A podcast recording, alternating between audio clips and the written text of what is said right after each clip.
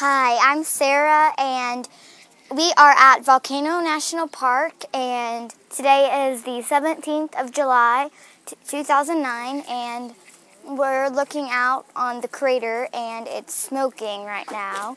And it's very beautiful because, I mean, this isn't the home of Pele, but one of the closer volcanoes is. But it's just very it's like 400 somewhat feet, but a long time ago it was like 900 to 1300 feet. And it's just shrink a lot, so. Here, come on. Go ahead. Just start going. Okay. Hi, my name is Rachel, and we're at um, National Park, and we are looking out into the volcano. Because, and um, it used to be like um, 14,000 feet or something. And a lot deeper. Keep going. And we. Tell about some of the things you saw yesterday with the lava tube and the lava. And yesterday we went to the lava tube and also um, Describe that. Tell about it. Like it used to have lava in it, but it all um, got out. So so a lot of people go through it. It was kind of like a cave. It was kind of like a cave, but it's not a cave. And we're going to go back today, right, with our flashlights. What are we going to do?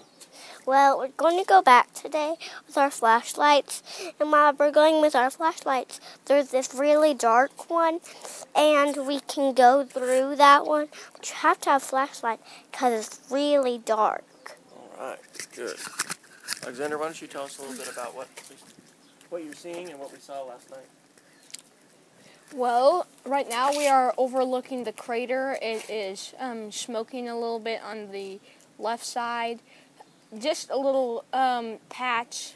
Um, uh, this crack formed at the bottom, and it's um, emitting lava sometimes and a lot of gas.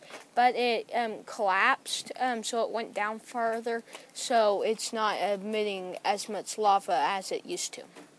And and yesterday um, we went um, and hiked about a half a mile up and um, saw actually where the lava comes to meet the ocean. Um, it um, spit out a lot of smoke and or water vapor as it touched down. Sometimes you could see the, um, if you were looking correctly, you could see the face of Pele um, in the smoke. Her face outlined it. And also at the very bottom, um, there were two um, little lines dripping into the ocean when the smoke cleared, and it kind of looked like two eyes were looking. Um, it was um, it was really more exciting for my mom and dad because last time they were here, they didn't get to see as much um, as this, so um, it's a really cool thing to see.